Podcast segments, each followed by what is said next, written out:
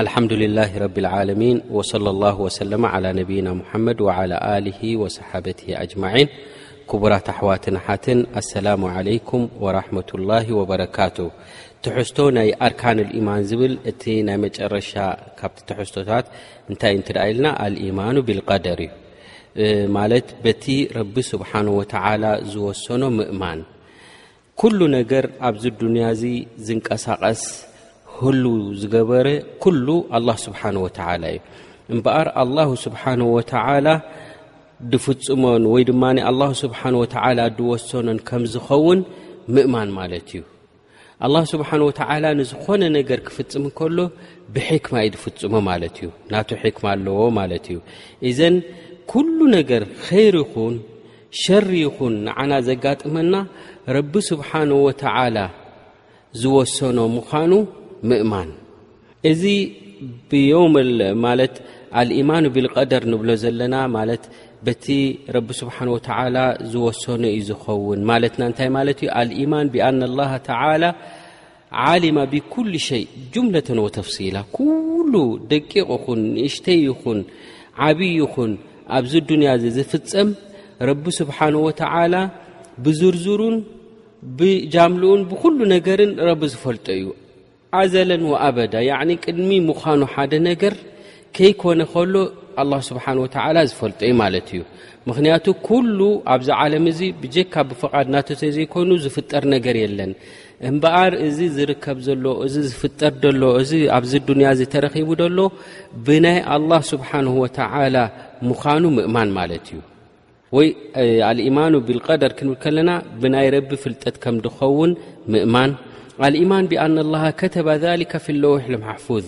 ኩሉ ነገር ኣብዚ ዱንያ እዚ ዝፍፀም ኣላ ስብሓን ወተዓላ ዝፀሓፎ እዩ ኣበይ ተፃሒፉ ኣሎ ኣብ ለውሒ ልማሕፉዝ ኣብቲ ሰሌዳ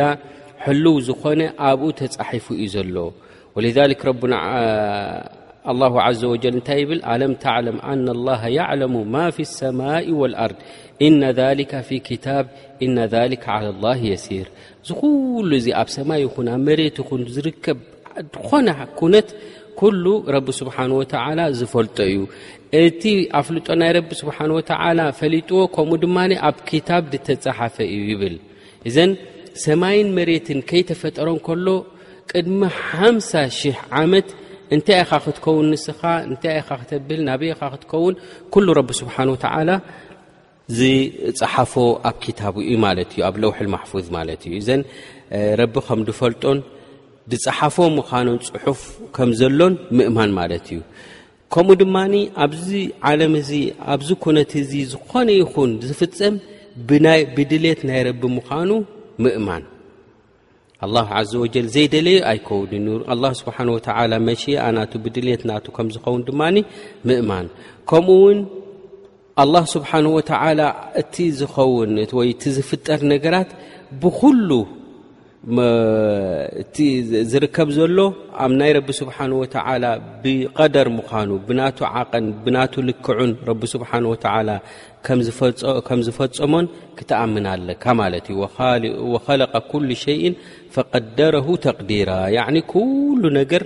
ብምሉኡ ብመለኪዑኡን ሓንቲ ነገር ከይነከየን ከይወሰኸን ካብ ፍልጠት ናይ ረቢ ድወርድሕባእን ወይ ድማ ረቢ ስብሓን ተዓላ ዘይፈልጡን የለን ስለዚ ረቢ ዘ ወጀል ዝወሰኖ ምዃኑ ክትኣምን ኣለካ ማለት እዩ ከምኡ ውን ረቢ ስብሓን ወተዓላ ንዓና ድኣዘዘና ትእዛዛት ውን ናቱ ውሳኔ ንሕና ንሰግዶ ይኹን ንፆሞ ይኹን ዕባዳታት ይኹን ረቢ ስብሓን ወተዓላ ዝወሰኖ ስለ ዝኾነ እቲ ንዓና ዝወሰነልና ድማ ረቢ ዘ ወጀል ድማ ራሒም ስለ ዝኾነ ርህሩህ ስለ ዝኾነ ንሕና እንታይ እዩ ዘድልየና ንሕና ኸኒ ንኽእሎ ዲና ኣይንኽእሎን ረቢ ስብሓን ተላ ኩሉ ፈልጦ ዩ ማለት እዩ ወልሊ ላ ዘ ወጀል እንታይ ገይርዎ ማለት እዩ ኩሉ ነገር ንዓና ዘጋጥመና ወይ ድማ ኣዚዙና ዘሎ እንኽእሎ እዩ ማለት እዩ ላ ዩከልፉ ላሁ ነፍሰን ኢላ ውስዓሓ ኢሉ ረቢ ስብሓን ወተዓላ ስኒ ሓንቲ ነፍሲ ዘይትኽእሎ ወይ ካብ ዓቕማ ንላዓሊ ስኒ ኣይኣዘዝናያ ንብል እምበኣረይ እዚ ረቢ ስብሓን ወተዓላ ኣዚዙና ዘሎ ኩሉ እውን ዓቕሚ ነፍስና ምዃኑ ክንኣምን ክንፈልጥን ኣለና ማለት እዩ እምበኣረይ ኣልኢማን ብልቀደር እንተ በቲ ረቢ ስብሓን ወተዓላ ዝቀደሮሲ ክንኣምን ኣለና እንተ ኢልና እንታይከ ፍረ ይርከቦ በቲ ረቢ ስብሓን ወተዓላ ዝቐደሮ ምእማን ስኒ እንታይ ፋይዳ ኣለዎ እንተ ኢልና ብዙሕ ነገራት ዩ ፋይዳ ዘለዎ ማለት እዩ ሓደ ካብቲ ፋይዱ ኣልእዕትማድ ዓላ ላህ ተዓላ እምበኣር ኩሉ ነገር ረቢ ዝደለዮን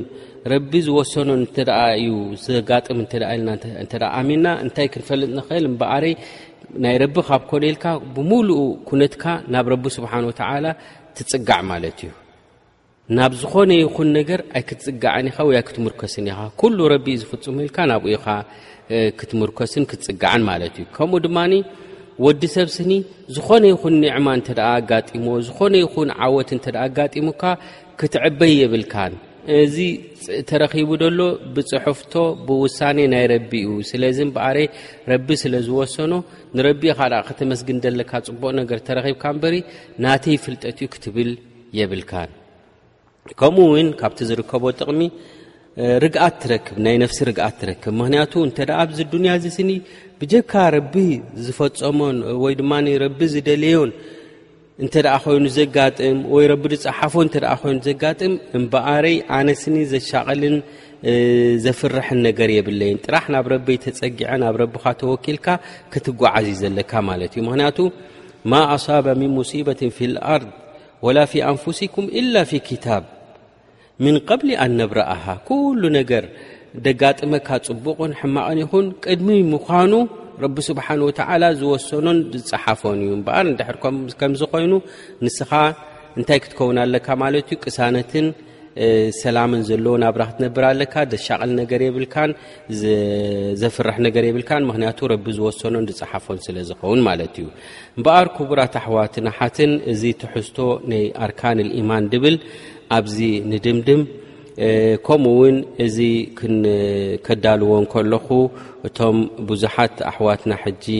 ማለት ብውሕድ ቁፅሪ ዘይኮነ ብብዝሒ ቁፅሪ ዘለዎም ኣብ እስልምና ዝኣተውን እስልምና ዝተቐበሉን ብዛዕባ እቲ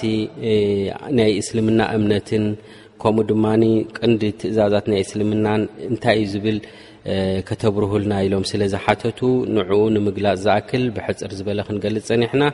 ወረቢ ስብሓን ወተዓላ ንኩላትና ናብ ቅኑዕ መንገዲ ክመርሓና ንልምኖ ነዚ ክግለፅ ዝፀንሐ ይኹን ከምኡ ውን ካልእ ሃይማኖታዊ ሕቶታት ውን እተ ኣለኩም ኮይኑ